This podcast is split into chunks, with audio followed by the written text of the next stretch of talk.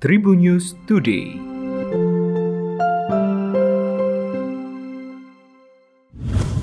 Tribuners berjumpa kembali bersama Hakim di Tribun News Today. Hakim akan berbagi informasi menarik hari ini, mulai dari informasi nasional, regional, selebritis, dan juga olahraga. Informasi pertama terkait dengan ACT. Kementerian Sosial mengungkap alasan pencabutan izin penyelenggaraan pengumpulan uang dan barang atau PUB Lembaga Kemanusiaan Aksi Cepat Tanggap atau ACT. Diketahui Kemensos akhirnya mencabut izin PUB dari ACT tersebut. Pencabutan izin PUB ACT dilakukan melalui keputusan Menteri Sosial Republik Indonesia tentang pencabutan izin penyelenggaraan pengumpulan sumbangan kepada Yayasan Aksi Cepat Tanggap di Jakarta Selatan. Surat keputusan tersebut ditandatangani oleh Menteri Sosial Ade Interi Muhajir Effendi pada Selasa 5 Juli 2022. Pihak Kemensos menyatakan pencabutan itu karena adanya indikasi pelanggaran terhadap peraturan Menteri Sosial. Indikasi pelanggaran itu di mana ACT menggunakan 13,7 persen dana yang dihimpun dari masyarakat untuk kegiatan operasional. Padahal dalam pasal 6 ayat 1 peraturan pemerintah nomor 29 tahun 1980 tentang pelaksanaan pengumpulan sumbangan, lembaga pengumpul sumbangan hanya boleh menggunakan maksimal 10% untuk dana operasional. Dari kasus ACT ini, Kemensos menyatakan bakal memeriksa izin-izin yang diberikan kepada lembaga atau yayasan lainnya. Informasi kedua terkait dengan kasus pencabulan anak Kiai Jombang. Polda Jawa Timur hingga kini belum berhasil menangkap DPO pencabulan MSAT 46 tahun anak Kiai Jombang Jawa Timur. MSAT diduga dilindungi oleh pihak-pihak tertentu sehingga lolos dari kejaran para polisi. Wakil Ketua PWNU Jawa Timur Kiai Haji Abdul Salam Shohib mengatakan sebagai warga negara yang baik siapa pun memang harus taat pada hukum yang berlaku. Menurutnya semua pihak memang harus kooperatif dalam kaitan kasus ini. Proses pencarian anak Kiai Jombang yang jadi DPO pencabulan MSAT terus dilakukan oleh polisi. Bahkan Polda Jawa Timur juga sudah mengamankan tiga orang dalam aksi kejar-kejaran yang terjadi di kawasan Peloso, Jombang pada Minggu 3 Juli 2022 lalu.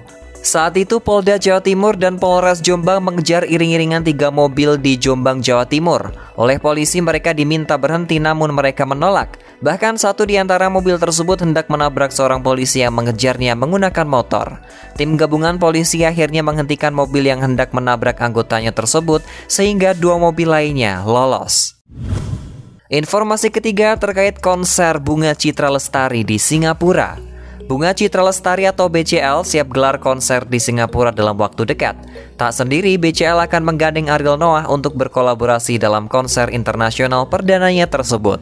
Namun menurut BCL dirinya sudah tak mungkin lagi memikirkan soal chemistry dengan Ariel Noah Sebab menurutnya ia telah kenal dengan pelantun lagu menghapus jejakmu itu selama 20 tahun lamanya BCL bahkan hanya memikirkan konsep panggung yang akan ia jalani bersama Ariel nantinya.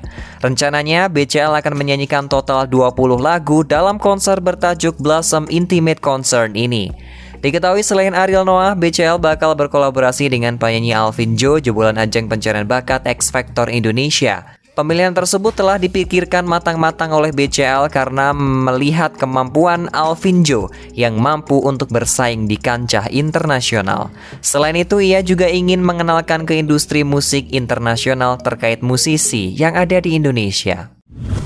Informasi terakhir datang dari dunia olahraga. Kabar kurang sedap menghampiri Arema FC yang bertandang ke markas PSIS Semarang pada leg pertama semifinal Piala Presiden 2022 pada hari Kamis sore.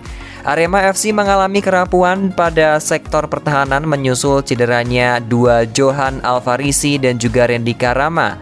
Kerapuan pertahanan Arema FC dapat menjadi angin segar bagi tuan rumah PSIS Semarang yang berpeluang untuk pesta gol.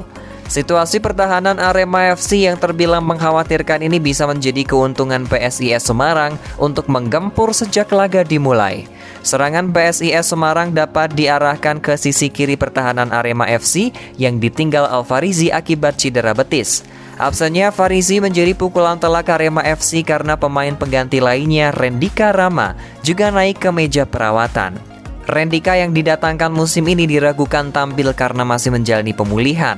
Berdasarkan kondisi yang sedang dialami Arema FC tersebut, Sergio Alexandra bisa memerintahkan penyerang cepat PSIS untuk menekan daerah fullback kiri. PSIS sendiri terkenal dengan permainan cepat dan atraktif selama mengarungi Piala Presiden 2022. Demikian 4 informasi terupdate hari ini. Jangan lupa untuk terus mendengarkan Tribunnews Today hanya di Spotify Tribunnews Podcast dan juga YouTube tribunnews.com. Tetap patuhi protokol kesehatan 3M dengan memakai masker, mencuci tangan dan menjauhi kerumunan atau menjaga jarak. Saya Hakim pamit, salam sehat untuk semua dan sampai jumpa. Tribunnews Today